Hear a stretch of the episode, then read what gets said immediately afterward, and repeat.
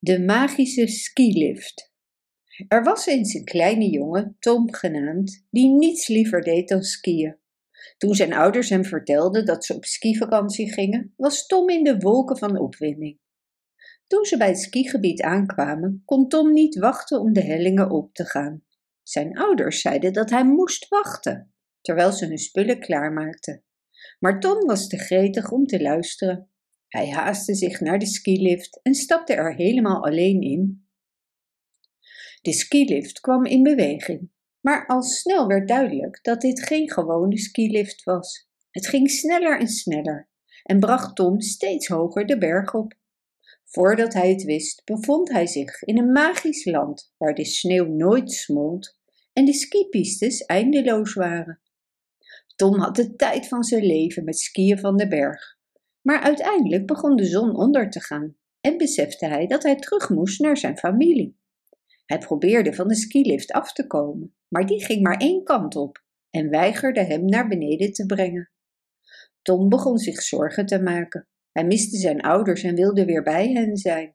Hij begon te huilen, voelde zich hulpeloos en alleen. Net toen hij op het punt stond de hoop op te geven, verscheen er een kleine sneeuwpop voor hem. Wat scheelt er? vroeg de sneeuwpop. Tom snoof en vertelde de sneeuwpop hoe hij in de skilift was geklommen zonder naar zijn ouders te luisteren en hoe hij nu vastzat in dit magische land. De sneeuwpop luisterde geduldig en vroeg toen: Wat heb je geleerd?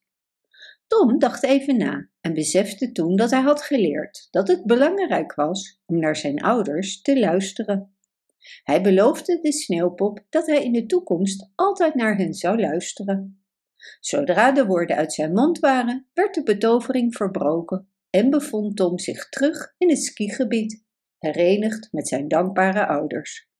De rest van de reis was geweldig. Tom wachtte geduldig op iedereen en ze hadden allemaal een geweldige tijd samen tijdens het skiën. Tom had zijn lesje geleerd en was dankbaar voor de magische ervaring die hem deed inzien hoe belangrijk het was om naar zijn ouders te luisteren. Bedankt voor het luisteren. Wist je dat je dit verhaal ook op onze website ririro.com/nl kunt lezen, downloaden en printen?